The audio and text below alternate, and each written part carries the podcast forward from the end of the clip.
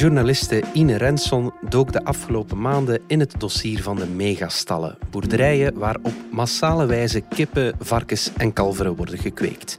Waarom worden die veestallen steeds groter en wat zijn de belangrijkste bezwaren? Het is donderdag 17 december. Ik ben Alexander Lippenveld en dit is de podcast van de Standaard.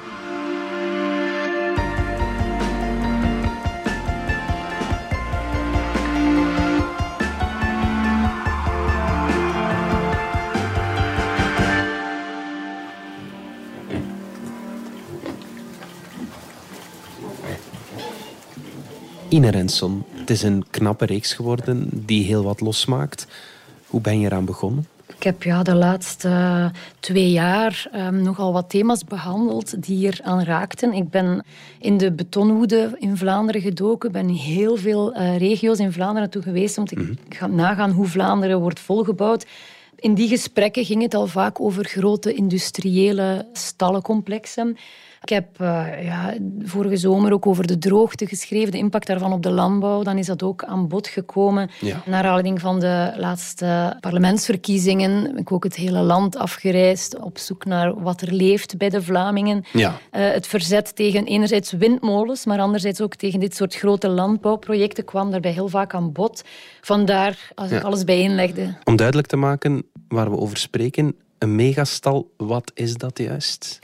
Ja, dat is een moeilijke. Hè. Daar is ook heel veel discussie over. Er is een klassering die door Europa wordt gehanteerd en gebaseerd is op de milieu-impact. Ik vind dat een heel relevant argument. Mhm. Vanaf wanneer heeft een stal impact op de omgeving? Ja. En Europa legt daar een aantal uh, drempelwaarden op. Bijvoorbeeld vanaf meer dan 40.000 slachtkippen, uh, of kippen in het algemeen, vanaf meer dan 2000 mestvarkens, vanaf meer dan 750 zeugen. Over koeien en kalveren bestaat uh, niet eens een drempel. Ja, okay. Als je naar alle grote stallen in Vlaanderen kijkt die in die categorie zitten, mm-hmm. dan zie je dat de meeste daar ver boven gaan. Ah ja, dus in okay. de realiteit blijft niemand hangen bijna bij 40.000 kippen, want dat is gewoon niet leefbaar. Okay. Dus in de realiteit krijg je volumes vanaf 80.000 en zo naar 180.000, 200.000 en veel meer. Maar ik vind die hele vraag, want ik heb ook gezien, dat heeft naar aanleiding van mijn reeks ook weer voor veel discussie gezorgd uh, op sociale media en zo. Ja, dat is een omstreden term, de dat term is echt, ja, ja, ja, inderdaad. dat dat uh, zet heel veel stekels recht bij mensen. Kijk, ik heb die term gebruikt, ook al weet ik dat hij uh, weerstand oproept, omdat ik wel vind dat duidelijk is. Mm -hmm. Maar ik vind het ook een arbitraire discussie, als ik eerlijk mag zijn. Want mm -hmm. sommigen zeggen dan, megastallen, dat bestaat hier niet. Je hebt megastallen in Oekraïne of in mm. China, waar het over massaal veel meer dieren gaat. Je moet ook weten, dat wordt dan ergens gebouwd in China niet op het Vlaamse platteland, hè, waar -hmm. heel veel mensen wonen, waar de claim op ruimte al groot is. En het belangrijkste, vind ik ook, is dat je moet kijken naar de impact. Wat is het verschil tussen één stal met 1 miljoen kippen of vijf grote bedrijven met telkens 200.000 kippen vlak bij elkaar, ja. soms in dezelfde straat? Voilà, ja. Ik vind het gaat over de impact. En je hebt clusters in sommige regio's, zoals in West-Vlaanderen of in de Noorderkempen, heb je grote clusters, gemeenten zoals uh, Ravels, Wustwezel, waar je 2 miljoen kippen en meer hebt. Dat is gigantisch veel voor zo'n kleine ja. gemeentes. Hè. Voilà. Ja, ja, en dan vind ik eigenlijk de discussie over zijn die faciliteiten nu megastallen of gewoon grote stallen? Ja, ik vind dat een beetje um, naast de kwestie dan. De vraag is vooral, waarom worden die stallen steeds groter? Ja, de grootste reden is economisch. Okay. Dit heeft echt een economische drijfveer. Um, ik heb zelf eens uitgerekend aan de hand van een aantal uh, simulaties en modellen een kippenhouder gemiddeld 12 cent overhoudt per kip. Ja. Na aftrek van alle kosten. Uh, daar dat is moet, niets, ja. ja. dat is echt wel heel weinig. Hè? 12 cent. En dan moeten die nog belastingen en sociale bijdragen ook op betalen. Ja. Dus je ziet zo, je moet echt voor volumes gaan om daar nog een deftig inkomen aan over te houden. Mm -hmm. En zo gaan ze dan... Ja, ik een voorbeeld in de Noorderkempen van een familie die dan naar meer dan 750.000 kippen gaat op een aantal okay. vestigingen. Ja. Uh, en dan zie je eigenlijk, ja, op die manier boeren worden dan managers. Hè. Ja, ja. En, en kunnen die boeren dat allemaal zomaar betalen? Want groeien kost toch gigantisch veel geld. Er zijn er inderdaad heel veel. De meeste die hebben die middelen niet. Hè. En als je dan naar de gewone gangbare volumes kijkt, uh, van waar ze mee beginnen, van bijvoorbeeld 80.000 kippen, mhm. eh, of, of neem 500 varkens bijvoorbeeld, dan zie je dat de winst niet bij de boer zit. Hè. Die zit elders in de keten. Die mhm. zit eigenlijk bij de voederfabrikanten, bij de broeierijen, bij de vleesverwerkers, de mestverwerkers die hele keten, vaak zijn dat integratoren, dat zijn dan bedrijven die alle schakels van die keten zelf in handen hebben. Okay. Die hebben er belang bij dat de stallen groter worden. Want meer dieren betekent meer winst die overal in die keten kan worden gemaakt. Mhm. En je ziet dat die hele agro-industrie pusht naar groter, direct of indirect. Ja.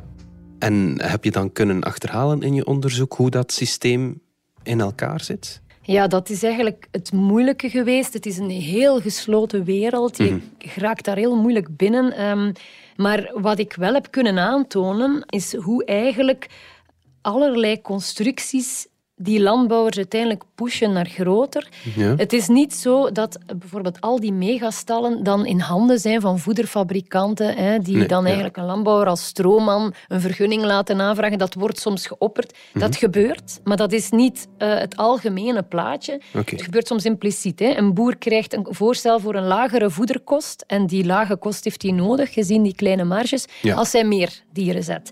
Impliciet wordt die dan gepusht naar verdubbelen, bijvoorbeeld. Of um, die bedrijven staan garant bij de bank voor een lening. Als je ah, daarnet vroeg, hoe kunnen die boeren dan dat geld allemaal lenen? Eén zo'n grote stal kost snel 1 miljoen euro voor neem 80 à 100.000 kippen, bijvoorbeeld. Stel dat die 2 miljoen moeten lenen, zij worden daarin gesteund eh, door, die, door die grote bedrijven. Die grote bedrijven staan bijvoorbeeld garant bij de bank. Wat je ook ziet, is dat ze um, alles regelen via hun adviesbureaus. Ze regelen mhm. de hele aanvraag, heel die procedure, die toch ook wat voeten in de aarde heeft, van A tot Z. Landbouwers zeiden mij vaak van... Ja, ze zeiden dan tegen mij, wij zullen alles voor u regelen. Hè. Het, Je mhm. moet u daar niks van aantrekken. Wij gaan wel zorgen dat die stal er dan komt. En hoe kijken die boeren daarnaar? Want hoe je het nu beschrijft, lijkt het alsof die echt gevangen zitten in dat systeem. Hè? Landbouwers geven dat ook zo aan. Van mhm. wij zitten daarin en eens je daarin zit, in dat intensieve model, dan kun je daar niet meer uit. Want je hebt inderdaad mhm. die hele zware leningen lopen.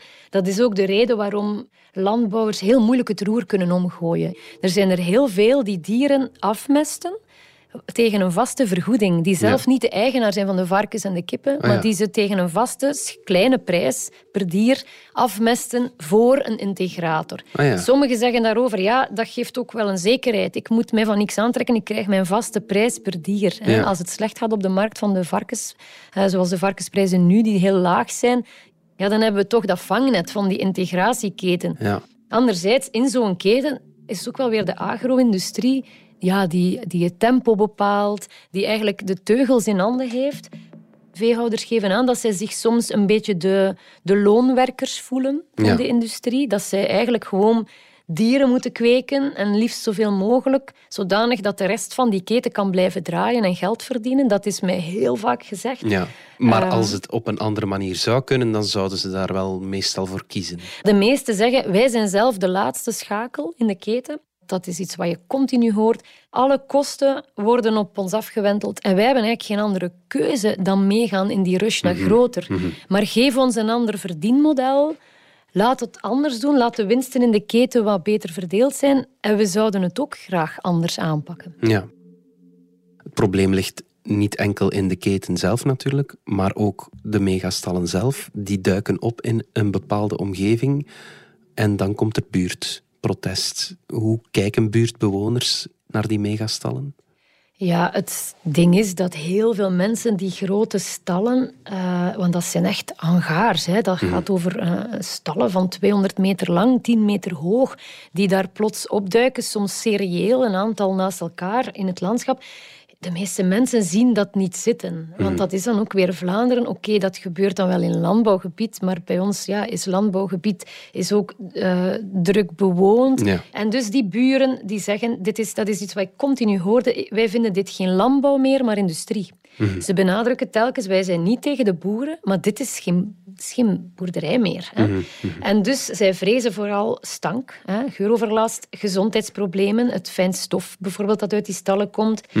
De burgers hebben het gevoel dat die stallen te vlot passeren, ondanks het feit dat alle knipperlichten op rood staan qua overlast. Ja. Uh, en zij steken daar zeer veel tijd en geld in. Meestal loopt dat op um, tot tienduizenden euro's aan advocatenkosten. Oké. Uh, er zijn actiecomité's die, die al tien jaar aan het procederen zijn. Ja. Dat gaat dan in beroep en ligt daar dan geen, geen rol voor lokale besturen om dat te, eh, te, gaan, te gaan bestrijden? Tot voor enige tijd zag je dat lokale besturen, uh, zeker in die kleine landbouwgemeentes, daar vlot in meegingen. Mhm. Vaak hadden ze zelf belangen. Niet zelden is de burgemeester of de schepen uh, iemand die zelf uh, een stal heeft. Of mhm. zijn familie, is, familieleden zijn veehouders. Ja, dus ze hebben vaak belangen. Je hebt gemeenten waar de helft van de inwoners landbouwers zijn of landbouwroots hebben. Dan dus, kan je die stemmen natuurlijk niet, voilà. niet kwijtspelen. Nee. Dus, En dat is ook een moeilijke. Mhm. Die, die lokale politici hebben lang geworsteld met de vraag: is dit landbouw of is dit effectief industrie? En wanneer is de limiet in onze gemeente bereikt? En een heel mooi voorbeeld is eh, in Wustwezel. Heb je het gehucht Braken, ligt tegen de Nederlandse grens. In dat kleine gehucht heb je 26 megastallen op een kluit bijeen. Vooral kippenbedrijven, waardoor dat die buurt ook smalend de Chicken Valley genoemd wordt. Zo wil je niet genoemd worden als buurt. Eh. Ja, en daar zie je, daar wonen natuurlijk heel veel landbouwers, die echt, waarvan de bedrijven zeer groot geworden zijn, die meerdere vestigingen ook hebben. Maar daar wonen ook wel nog andere mensen tussen. Ja, tuurlijk. Ja. Een aantal daarvan uh, is verhuisd. Um, Sommigen zijn in, in het verzet gegaan. Er zijn er die bedreigd geworden zijn. Ja. Maar goed, het bestuur daar, eh, het CD&V-bestuur, uh, nota bene, wat niet evident is voor een CD&V-bestuur, is daar tegenin ja. gegaan en heeft een kippenpauze uh, ingelast, twee jaar geleden, okay, ja. toch voor nieuwe vestigingen. de partij wat... die gelinkt is aan de Boerenbond, die dat dan een kippenpauze inroept, dan moet het al heel ver gaan. Ja, Wat ook opmerkelijk is, veel Nederlandse boeren steken de grens over en belanden dan bijvoorbeeld in de Noorderkempen tegen de Nederlandse grens. Dat zorgt voor onrust. Waarom komen zij naar hier?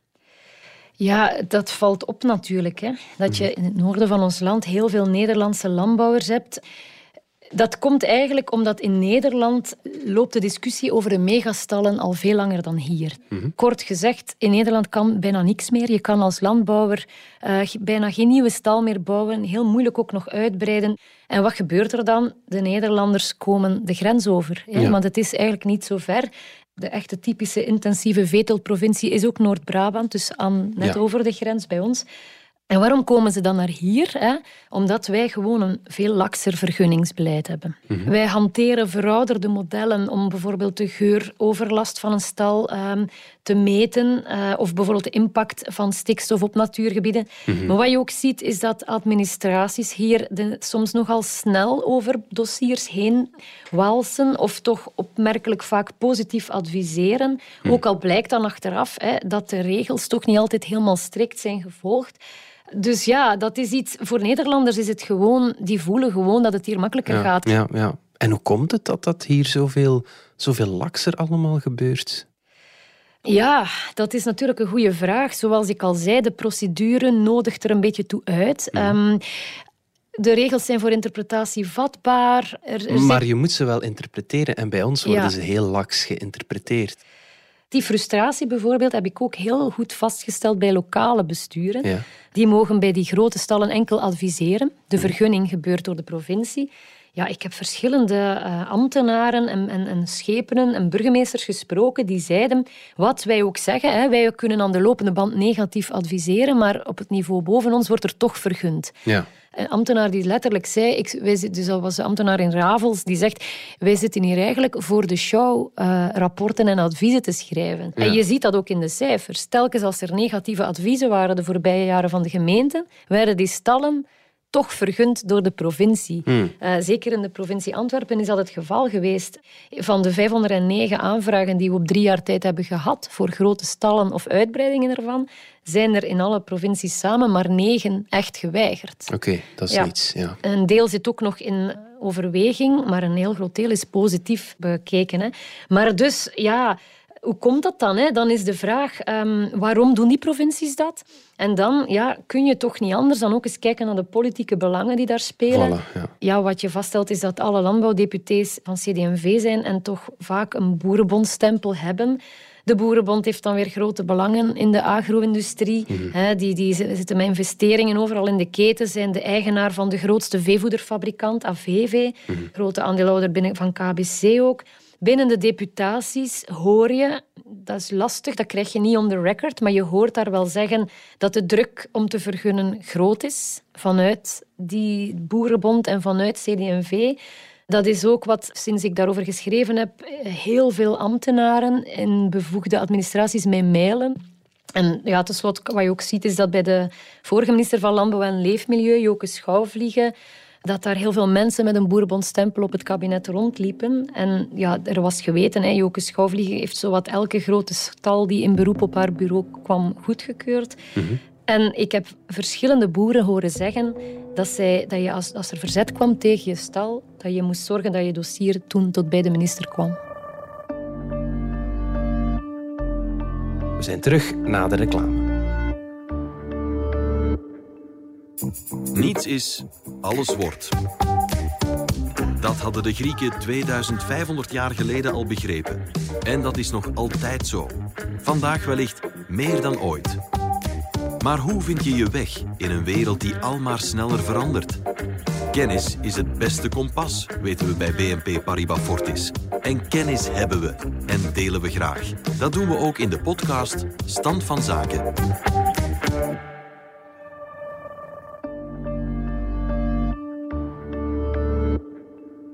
Nu zit Zoaldemir op de post van omgeving. Voor de eerste keer in lange tijd is dat geen CD&V'er. Zij stelt nu wel strengere regels op. Is er beterschap op komst? Wel, Zuhaldemir um, van NVA dus, hè, voert een strenger vergunningsbeleid, maar zij voert eigenlijk voorlopig nog geen strengere regels in. Dat is eigenlijk wel opmerkelijk. Zij past gewoon de regels toe, zegt zij, die er al zijn. Regels over afstand, uh, regels hoeveel meter van woongebied, uh, regels over emissiearme stallen, waarvan zij zegt, ik hanteer de strikte benadering daarvan. Uh, en als ik dat doe, dan ben ik verplicht om 90% van de projecten af te keuren. Oké, dat is een heel groot verschil met hoe het was natuurlijk. Ja. En natuurlijk Door gewoon de regels toe te passen. Ja, Voilà. Maar, maar toch, het zet, het zet haar wel natuurlijk een, uh, in een positie tegenover uh, haar collega Krevits in de ja. Vlaamse regering, de CD&V-minister van Landbouw. Die, uit West-Vlaanderen natuurlijk ook, ja. Uit West-Vlaanderen. En die vindt, um, die vindt ook dat dat systeem waarbij boeren verzuipen en aan een strop hangen en zo ook niet te verdedigen is, mm -hmm. maar wel dat het grootschalige, de grootschalige landbouw as such wel moet kunnen. Mm -hmm. hè, mits dan correcties in wat boeren krijgen en zo. Uh, maar dus Hilde Krevits legt ook de nadruk op rechtszekerheid, de boer als ondernemer. En je ziet ook in, in de discussies nu, de klimaatdiscussie over de afbouw van de veestapel, mm Demir zegt iets anders dan Krevits. En dat plaatst die twee tegenover elkaar. En ik heb gemerkt tijdens mijn onderzoek dat je dat eigenlijk op elk niveau krijgt. Dus zowel lokaal politiek, in de provincies, merk je eigenlijk dat CD&V daar eerder de kant van de boeren of de agro-industrie neigt te kiezen en N-VA dan al vaker eens de kant van leefmilieu of omwonenden uh, zal nemen. Ja, oké. Is er eigenlijk ook een rol weggelegd voor de consument om dit te keren? Absoluut eigenlijk. Mhm. Dat is hetzelfde verhaal um, als ga je nog shoppen in uh, goedkope textielketens waarvan je weet dat de kleding gemaakt is door vrouwen in naaiateliers uh, die onderbetaald worden in Azië. Hè. Eigenlijk is dat hetzelfde verhaal. En het is eigenlijk wel heel belangrijk dat we het daar ook wel eens over hebben. Hè. Want dat, dat is iets wat al die landbouwers ook zeggen. Um, zij klagen de hypocrisie aan van mensen die zich verzetten tegen stallen aan een achterdeur. Omdat ze zeggen, ja, maar die mensen zijn tegen die grote stallen, maar in de supermarkt gaan ze wel altijd het goedkoopste vlees kopen. Ja. Dus je zou daar als, als consument natuurlijk iets aan kunnen doen als je consequenter bent en altijd uh, vlees koopt waar een label aan hangt. Eh, is dat van korte keten of, of fair trade, uh, of bio of, of faire prijs voor de boeren? En dat is ook wat die landbouwers zeggen. Hè. Geef ons een betere prijs en dan hoeven wij geen 180.000 kippen meer te kweken, maar kunnen het misschien met de helft of nog minder doen. Ja. En de textielfabrieken van Bangladesh, dat zijn eigenlijk de megastallen die in Vlaanderen staan. Dat is, dat is eigenlijk heel tragisch, dat willen we toch weg. Ja, het is tragisch voor zover het ook dan zo is dat die landbouwer um, gedegradeerd wordt als iemand die daarin moet meedraaien en dan zelf het gevoel heeft dat hij eigenlijk de laatste schakel is, een soort van bijna loonkweker, hè, de facto. Uh, in onze voedselproductie, die eigenlijk, wat we ook nog niet hebben gezegd en wat ook heel belangrijk is, heel vaak bestemd is voor de export dan ook nog eens. Hè. Ja. Dus die overlast zit bij ons, mhm. maar de productie is heel vaak voor de export. En dan krijg je discussies over, ja, maar we hebben die stallen nodig, dat zeggen de deputés, als ik ze daarop aanspreek, voor de voedselzekerheid. Ja. Maar de vraag is, ja, is dat wel zo? Hè? Want mhm. het, de, meer dan de helft van die uh, dieren wordt uitgevoerd. Um, heel veel van onze landbouwgrond wordt ook gebruikt uh, voor veevoeder, mm -hmm. maïs bijvoorbeeld.